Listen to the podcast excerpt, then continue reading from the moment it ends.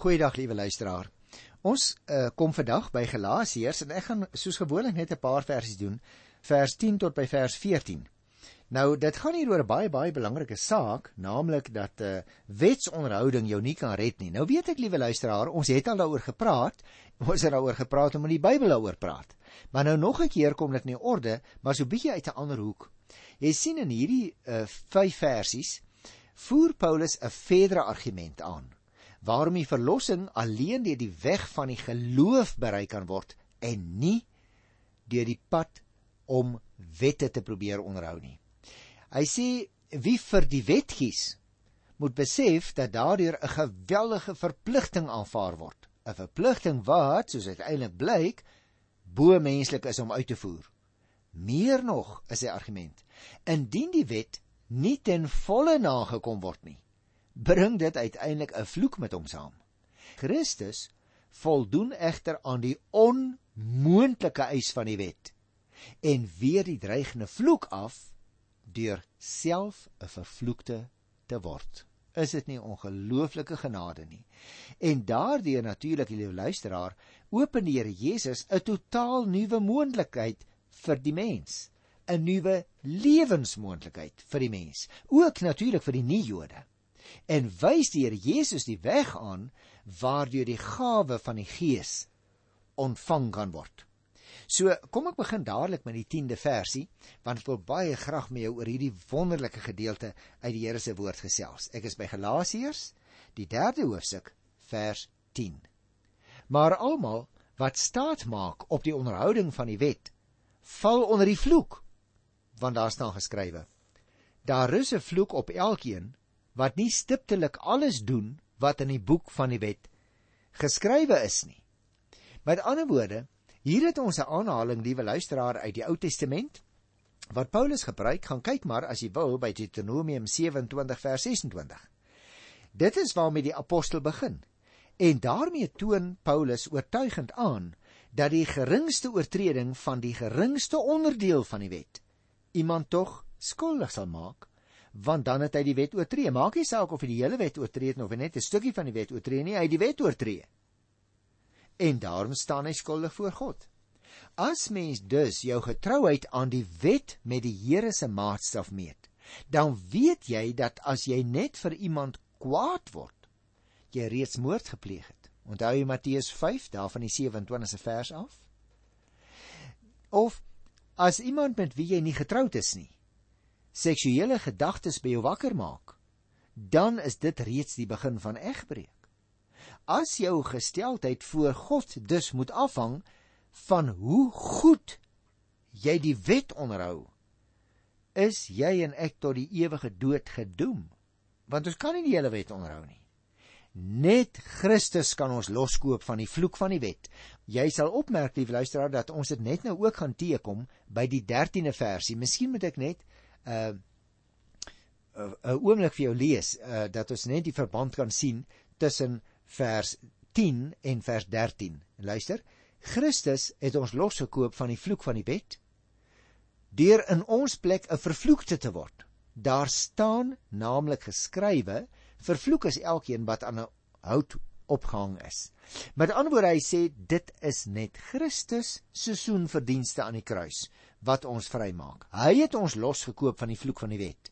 En jou en my geloof is vir ons 'n bewys dat God dit gedoen het. Ons sou nie kon glo, liewe luisteraar, as die Heilige Gees nie die geloof in ons hart gedê het nie. Die apostel het met ander woorde in die voorafgaande uit die skrif aangetoon alreeds voor hierdie perikoop dat vryspraak verkry word deur te glo. Nou beroep hy hom weer 'n keer op die skrif om te wys op 'n ander aspek, naamlik dat vryspraak nie deur die onderhouding van die wet verkry kan word nie. Hy toon aan dat almal wat hulle vryspraak in onderhouding van die wet soek, in werklikheid onder die vloek val. Dus die teenoorgestelde van Abraham se seun. Daarom haal hy aan uit uh Deuteronomium 27 vers 26.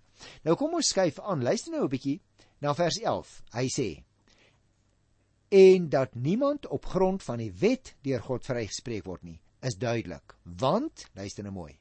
Hy wat deur God vrygespreek is omdat hy glo, sal lewe. Nou natuurlik kan mens verwag dat Paulus dit gaan sê. Want hy is ook besig om in reaksie op die dwaallering van die Judaïste te sê Julle kan nie in vir die mense sê hulle moet in Christus glo en dan moet hulle ook nog sekere dinge doen nie.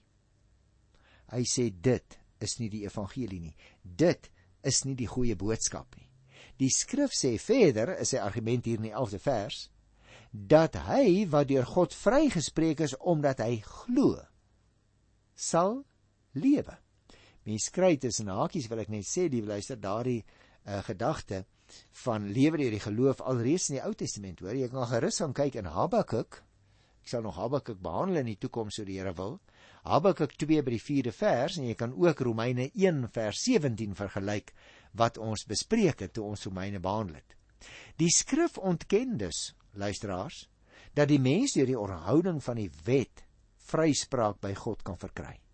In Habakuk 2 vers 4 wat ek nou net na verwys het, word die geloof ook nie gestel teenoor wetsonderhouding nie, maar teenoor die hoogmoed en die selfvertroue van die bose mens. Die geloof in Habakuk 2 en hier in Galasiërs 3 is egter basies dieselfde.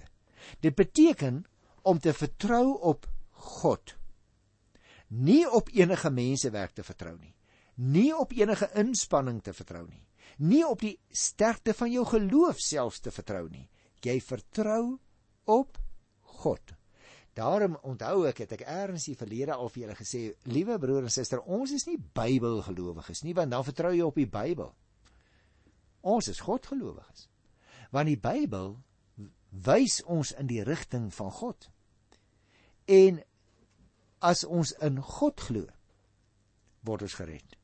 Dit gaan nie oor jou en my mate van Bybelkennis nie, hoewel ek baie baie graag die Bybel bestudeer. Al vir almal wil sê skakel erns by 'n Bybelskool in. Want dit doen 'n mens geestelik geweldig goed. Maar dit sê ek vir die studente in die Bybelskool. Selfs jou Bybelkennis kan jou nie red nie. Daar's net een manier en dit is deur geloof in die seun van God. Daarom het jy uh, miskien 'n aantekening gemaak toe ons die inleiding behandel het oor Galasiërs. Toe al het ek vir jou gesê, in die boek Galasiërs gaan dit om die vraag op watter gronde word die mens vrygespreek deur God. Paulus is dus in Galasiërs nie in die eerste plek besig om 'n eksegese van Habakuk 2 te gee nie. Dit wil ek dadelik sê. Dit gaan vir hom daarom om die basis van die gelowiges se verhouding teenoor God duidelik uit te spel. En in hierdie opsig sien Paulus dus wel 'n ooreenkoms met Habakuk. Maar is nie presies dieselfde goed waaroor Habakuk praat en Paulus praat nie. Die punt is wel in beide gevalle leer die Bybel ons moet op God vertrou. Hoewel die konteks van Habakuk en die konteks van Paulus wêrelde uitmekaar is. Goed, kom ons kyk na die 12de vers. Want dit is net so 'n baie interessante vers. Dit sterk goed wat Paulus hier praat, nie waar nie? By die wet, ek lees nou, by die wet gaan dit egter nie om die geloof nie, maar om die daad. Want daar staan: Hy wat doen wat die wet sê, sal daardeur lewe. Nou amper wil ek sê, hoeps, hier spreek Paulus homself te, want hy het nou net die geloof beklemtoon en nou beklemtoon hy die dade. Nou dis 'n baie interessante uh gedeelte dus wat ons hier het nou 'n interessante opmerking want dit is juis hierdie opmerking liewe luisteraar wat sommige mense daartoe gebring het om te sê Paulus en Jakobus verskil met mekaar. En dit is natuurlik nie so nie. Die apostels weerspreek mekaar nêrens nie. Dit gaan by Jakobus 'n bietjie oor iets anders. Want Paulus aan die een kant wil sê as jy gered wil word, moet jy in Christus glo. Jakobus wil 'n ander punt maak. Jakobus wil sê, hoorie, as jy gered is, dan moet daar van selfsprekend goeie dade in jou lewe wees. Let dus op die volgorde. Eers die redding, dan die goeie dade. Dit beteken nie dat ongelowige mense nie ook goeie dade doen nie, luisteraars. Maar gelowiges doen goeie dade nie net omdat dit ons opdrag is om goeie dinge te doen nie, maar omdat ons as dit ware nie anders kan nie. Die Heilige Gees help ons om goeie dade te doen. So dit is glad nie waar die siening wat ek al gehoor het dat Paulus en Jakobus teenoorgestelde leerstellings het oor geloof en werke nie. Hulle sê presies dieselfde ding. Jakobus gaan net meer na die praktyk toe terwyl Paulus vir ons die beginsel daar agter wil uitlê. Ons word gered uit genade. Wanneer ons die Here se aanbod aanvaar, dan word ons gered. Dit is dus interessant as 'n mens hierna kyk hoe dat die apostel wil uitwys veral hierso by die versie wat ek nou net gelees het, naamlik vers 11. Dat iemand op grond van die wet deur God vrygespreek word nie, is duidelik, want hy wat deur God vrygespreek word omdat hy glo, sal lewe. Dit is dus, liewe luisteraar, vir jou en vir my dink ek ook by hernuwinge oproep om na ons eie lewe te kyk en te vra hoe veel van die veelkantigheid van die vrug van die Heilige Gees word reeds in my lewe gesien. En as daar nie vrug aan jou lewensboom is nie, wil ek vir jou vra, broer en suster, het jy regtig al tot oorgawe in die seun van God gekom? Want daar moet volgens Paulus as dit ware van selfsprekend goeie dade wees uit dankbaarheid sê ons gewoonlik in ons lewe as ons lewe onder die leiding van die Heilige Gees. Nou goed, kom ons doen nou ook daarmee saam die 13de versie. Christus het ons losgekoop van die vloek wat die wet meebring, deur in ons plek 'n vervloekte te word. Daar staan naamlik geskrywe: Vervloek is elkeen wat aan 'n hout opgehang is. Nou ek het dit net nou ook gelees omdat hy vroeër na daardie selfde uitspraak verwys uit die Ou Testament. 'n Mens sou dus nou vir uh mekaar kon vra nou maar hoe vind die redding nou eintlik plaas? Hoe word 'n mens verlos? Nou weer eens is die verband van die Bybel hier baie belangrik. Jy sien luisteraar, die voorafgaande verse het duidelik aangetoon dat hulle wat vryspraak soek deur onderhouding van die wet in 'n hopelose situasie is. Dit kan nie so werk nie. Hulle enigste hoop is 'n nuwe begin. En dit is waar Paulus vir Christus inbring en beklemtoon wat die Here Jesus vir jou en vir my gedoen het. Hy sê pertinent hier in vers 13: Christus het ons losgekoop van die vloek wat die wet meebring. Nou hierdie gedagte van loskoop is natuurlik 'n baie besonderse woord vir die Hellenistiese of die Griekse wêreld van destyds gewees. Want dit is gebruik in verband met die loskoop van slawe Nou is dit vir my wonderlik dat Paulus hierso opmerk dat ons, dit wil sê Jood, sowel as nie Jood, deur Christus losgekoop word van die vloek van die wet. Uh net soos wat die Jode in die Ou Testament na die mark toe gegaan het met 'n klompie geld in hulle sak, dit was heel waarskynlik in die tyd van die Nuwe Testament natuurlik nou Romeinse munte. Nou kom hulle op die mark. Nou koop hulle vir hulle 'n slaaf. Hy sê op dieselfde manier het God ons losgekoop. Maar wat was die, mag ek sê, wat was die geld waarmee Christus betaal het? Hy self was die geld. Omdat hy sondeloos was. Daarom het hy hom self aangebied en self die prys betaal sodat ons losgekoop kon word. En dit is vir ons baie belangrik dat ons dit sal raak sien. Want hierdie mense is in 'n baie spesifieke situasie. Hulle verstaan baie goed van die loskoop van slawe, né? Daarom waarskynlik gebruik Paulus die beeld uh vanweë die agtergrond van hierdie mense wat sy brief lees. Dis my baie treffend dat Paulus sê dat ons Jood sowel as nie Jood losgekoop is van die vloek van die wet. Nou hier moet natuurlik dadelik gedink word aan 'n ou manier van optrede waarvan ons loskoopgeld betaal word om iemand wat die doodstraf gekry het, se lewe te red. Daarvoor kan jy gaan lees in Eksodus 21 vers 30. Wie in Bybelse tye luisteraars, wie in Bybelse tye onder die vloek was, is beskou as gevangenes, maar veral as mense wat moes sterwe. Christus het nou vir ons losgekoop van die vloek van die sonde deur in ons plek 'n vervloekte te word. Is dit nie ongelooflik daai 13de vers nie? Die Here Jesus het met ander woorde in jou en in my plek straf gedra in die oordeel van God.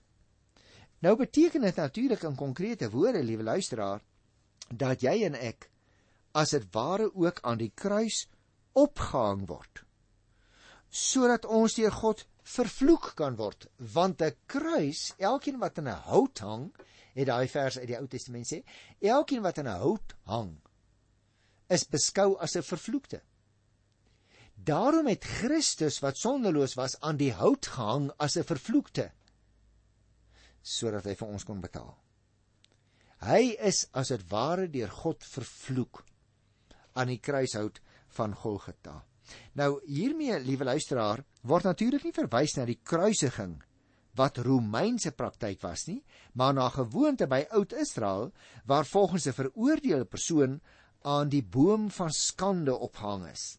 En so opgehangde, as dit ware dooie persoon is dan genoem God se vervloekte. En daarom is dit die gedagte net soos wat 'n mens in die Ou Testamentiese tye al opgehang kon word, dan is jy as 'n vervloekte beskou. Net so het die Romeine mense opgehang, maar nie om godsdienstige redes nie. Hulle het die Here Jesus Christus opgehang en God het hom as 'n vervloekte beskou. Dit is wat Paulus toepas juis op Christus. Na sy dood het Christus aan die kruis gehang as 'n veroordeelde sondaar of misdadiger in die oë van die mense. In die oë van die mense was hy dus 'n skuldenaar. Hy was in die oë van die mense 'n vervloekte want kyk waar hang hy.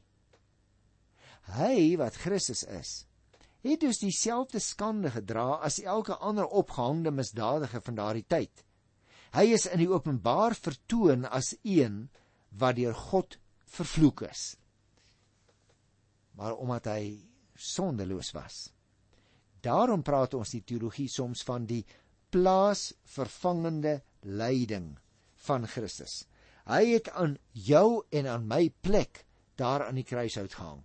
Met ander woorde die rede vir die uitleg in die voorafgaande vers word deur 'n vierde aanhaling uit die Ou Testament verskaf en hierdie keer uit Levitikus 18 vers 5. Per slot van sake, luisteraar, dink ek kan ons met goeie reg sê, die wet het met dade te maak. Dit wil sê die verskillende wetsbepalinge bevat voorskrifte oor wat gedoen is wanneer mense verkeerd gehandel het ook natuurlik oor uh, dinge wat hulle nie gedoen het nie en wat hulle behoort te doen. En daarom die enigste gepaste manier waarop op die wet gereageer kan word, is om dit uit te voer. Daarom sê die apostel hier in die 12de vers: By die wet gaan dit egter nie om die geloof nie, maar om die daad. En daarmee word nie bedoel dat die gelowige nie ook moet glo dat die wet en die wil van God is wat hy moet eerbiedig nie. Dis egter 'n voorveronderstelling wat die eintlike vervulling van die wet deur konkrete handelinge voorafgaan. By die wet pas alleen die daad. Vir die apostel word dit juis bevestig deur 'n uitspraak van Levitikus 18 vers 5. Hy wat aan die wet voldoen sal daardeur lewe. En dit is belangrik, liewe luisteraar, dat jy en ek dit baie baie goed moet verstaan. Ek wil baie graag nou kyk na die 14de versie. Daar staan geskryf en dis die vers waarmee ek wil ophou, maar ek wil nou redelik indringende uh, gesprekkie graag met jou voer oor hierdie vers. Daardeur kan ook hulle wat nie Jode is nie deur Christus Jesus deel kry aan die seën wat God aan Abraham toegesê het.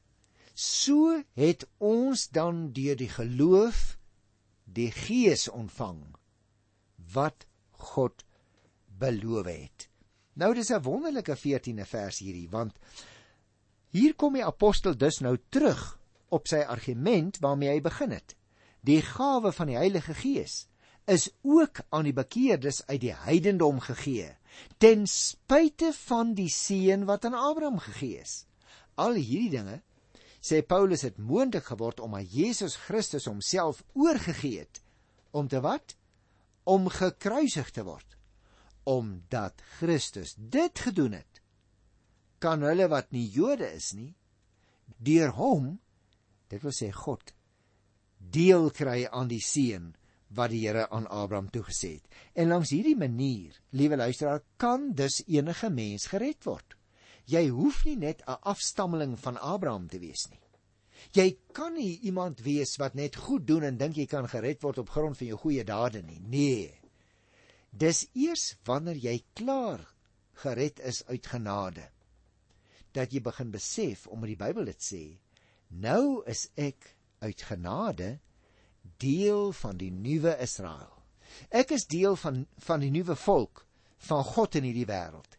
Hierdie volk wat uitgeroep is uit alle volke en tale en nasies om te verkondig die redding wat daar in Christus is. En ek dink baie van ons, miskien jy ook wat vandag luister, ek sê nie dit is so en ek vra liewer 'n vraag. Liewe luisteraar, ken jy dalk die evangelie baie goed? Maar jy doen nie wat dit sê nie. Kom ek vra dit andersom. Want dalk luister daar iemand wat nie glo nie. Jy sou van kon sê broer Johan, maar maar ek glo nie hierdie dinge nie. Dan is die onus om die keuse te maak en te kies. Nou dat jy gehoor het, daar is nie 'n ander manier van redding nie as behalwe die geloof in die seun van God deur nou na die Here te kom sê Here, ek is so sondig. Hier is ek, wees my arme sondaar genadig. En weet jy wat? Die Bybel sê, die Here sal iemand wat na hom toe kom nooit uitwerp nie. Die geweldige implikasie van hierdie verandering in die heilsweg wat nie langer via die wet nie, maar nou via Christus loop, is dat die horison van die verlossing skielik tot aan die uiterste van die aarde uitgeskuif word. Nie net Jode word gered nie. Nie net die heidene wat deur Paulus bearbei is word gered nie, maar elke persoon tot die uithoeke van die aarde wat miskien deur jou en deur my die boodskap hoor, kan deur die Heilige Gees tot bekering gebring word want ons kan dit nie self doen nie. Liewe luisteraar, daarom wil ek jou vra. Wanneer laas het jy iemand na die Here toe gelei? Ooh. Het jy nog nooit? Nou maar dalk moet jy dalk gehoorsaam word want die Here wil hê dat ons wat in hom glo tot seën moet wees van alle ander mense. Dit is dus belangrik dat ons op hierdie vraag sal antwoord. Het ek al ooit 'n besluit geneem om tot beskikking van die Here te wees sodat ek ook ander mense tot seën kan wees, sodat ek selfs ander mense by geleentheid na die Here Jesus Christus kan lei. Daarom wil ek afsluit vir vandag deur weer vers 14 vir jou te onderstreep want dit is 'n ongelooflik ingrypende vers. Daardeur kan ook hulle wat nie Jode is nie deur Christus Jesus deel kry aan die seën van God aan Abraham toegesê. So het ons dan ook deur die geloof die Gees ontvang wat God beloof het. Wonderlike wonderlike God wat so getrou bly. Ek groet jou in sy wonderlike naam tot volgende keer. Tot dan. Totsiens liewe luisteraar.